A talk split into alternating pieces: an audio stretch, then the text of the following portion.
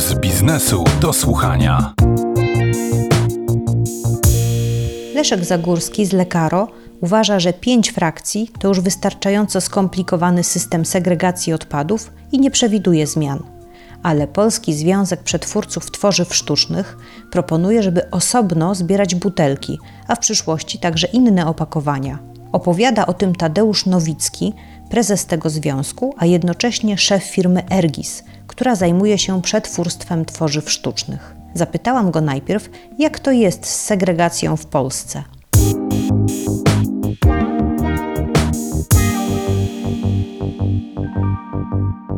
Mamy w stosunku do państw, które rozwinęły właściwe systemy, ogromne zaległości.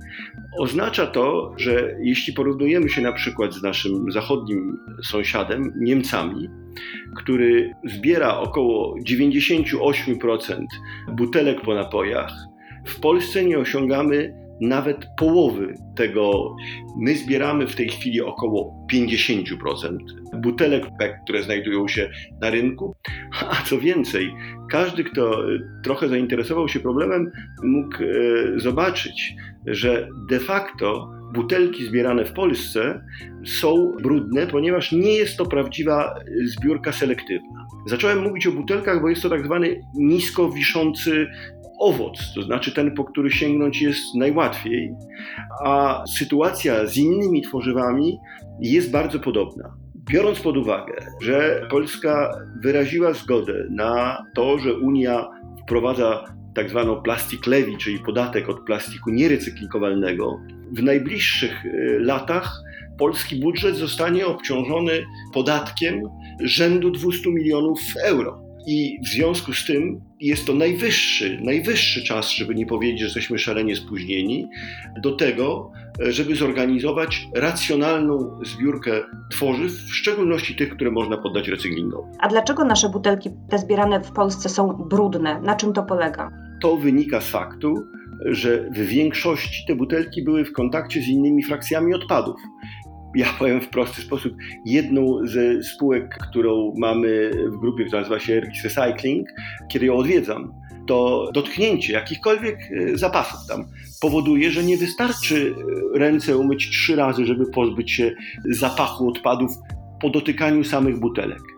Jeżeli weźmie Pani butelkę z systemu kaucyjnego w Niemczech, ta butelka jest bezbłędnie czysta. I oczywiście to wszystko e, odbija się potem na kosztach procesu technologicznego, w momencie, kiedy chcemy tą butelkę przekształcić do dalszego użycia, ale także na jakości tego recyklatu. A nie zapominajmy, że dzisiaj na przykład moja firma przerabia ponad 20 tysięcy ton zużytych butelek PET na opakowania do żywności.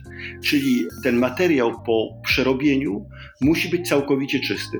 Trochę szkoda, startować z materiału bardzo brudnego i w związku z tym zanieczyszczać dalej środowisko, czysząc ten materiał, niż przyjmować rozwiązania, które pozwalają pracować w układzie zamkniętym przy minimalnym obciążeniu środowiskowym. A czym się te butelki PET brudzą? Te butelki są brudne ze względu na kontakt z innymi frakcjami odpadów. Jeśli dany kraj, tak jak Niemcy, ale także 10 innych europejskich krajów, dysponuje systemem kaucyjnym czy depozytowym, tutaj jest płótnia lingwistów, jak należy mówić, to butelki y, zużyte są transportowane wyłącznie w kontakcie z butelkami.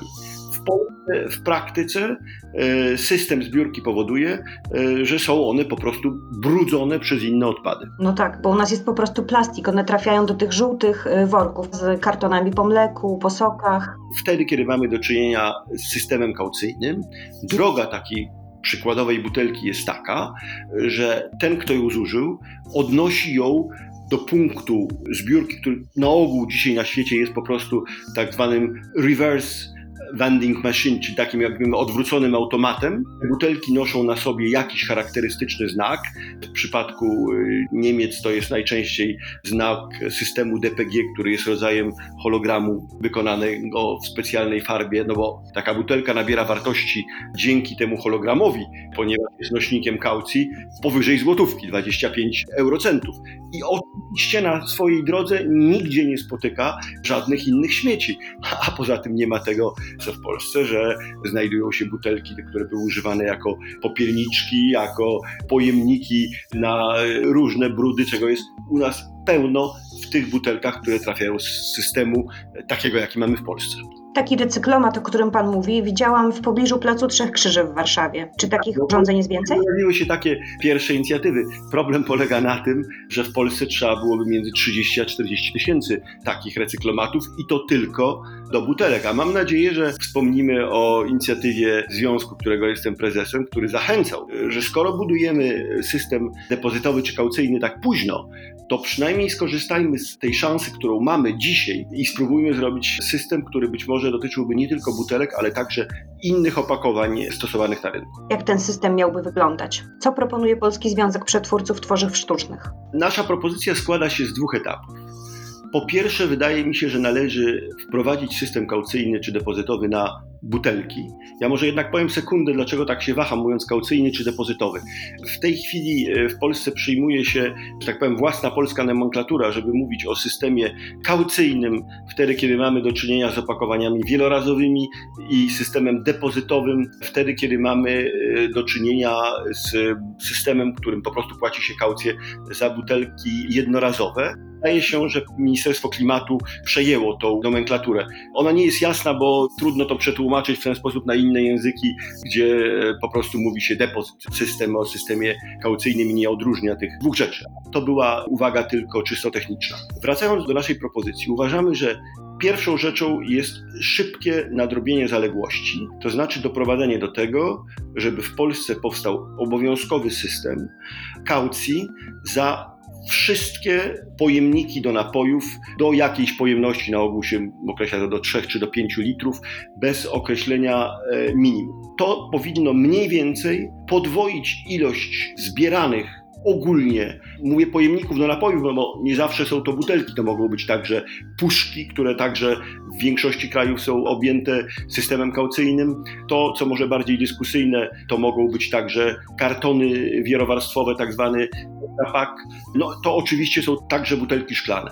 Czyli pierwszy etap to byłoby wprowadzenie systemu depozytowego dla pojemników do napojów i tu e, nie ma nic innowacyjnego, to byłoby tylko nadrabianie zaległości. My proponowalibyśmy, żeby pójść dalej i żeby opakowania na żywność wszelkiego typu objąć podobnym systemem. Mamy do tego zaproponowane rozwiązanie techniczne, no bo Dlaczego tego nie zrobiły inne kraje? No przede wszystkim w momencie, kiedy między 20 a 10 lat temu wprowadzono systemy kaucyjne w innych państwach, wrażliwość na zbiórkę opakowań była zupełnie inna. Ale nie było też pewnych rozwiązań. I nie chciałbym tutaj za bardzo wchodzić na poziom techniczny, ale o ile większość krajów posiada identyfikatory na etykietach opakowań, które są odbierane po to, żeby stwierdzić, czy na pewno za opakowanie to pobrano wcześniej kaucję, no, zanim zwróci się ją użytkownikowi, my proponowalibyśmy rozwiązanie znacznie bardziej innowacyjne.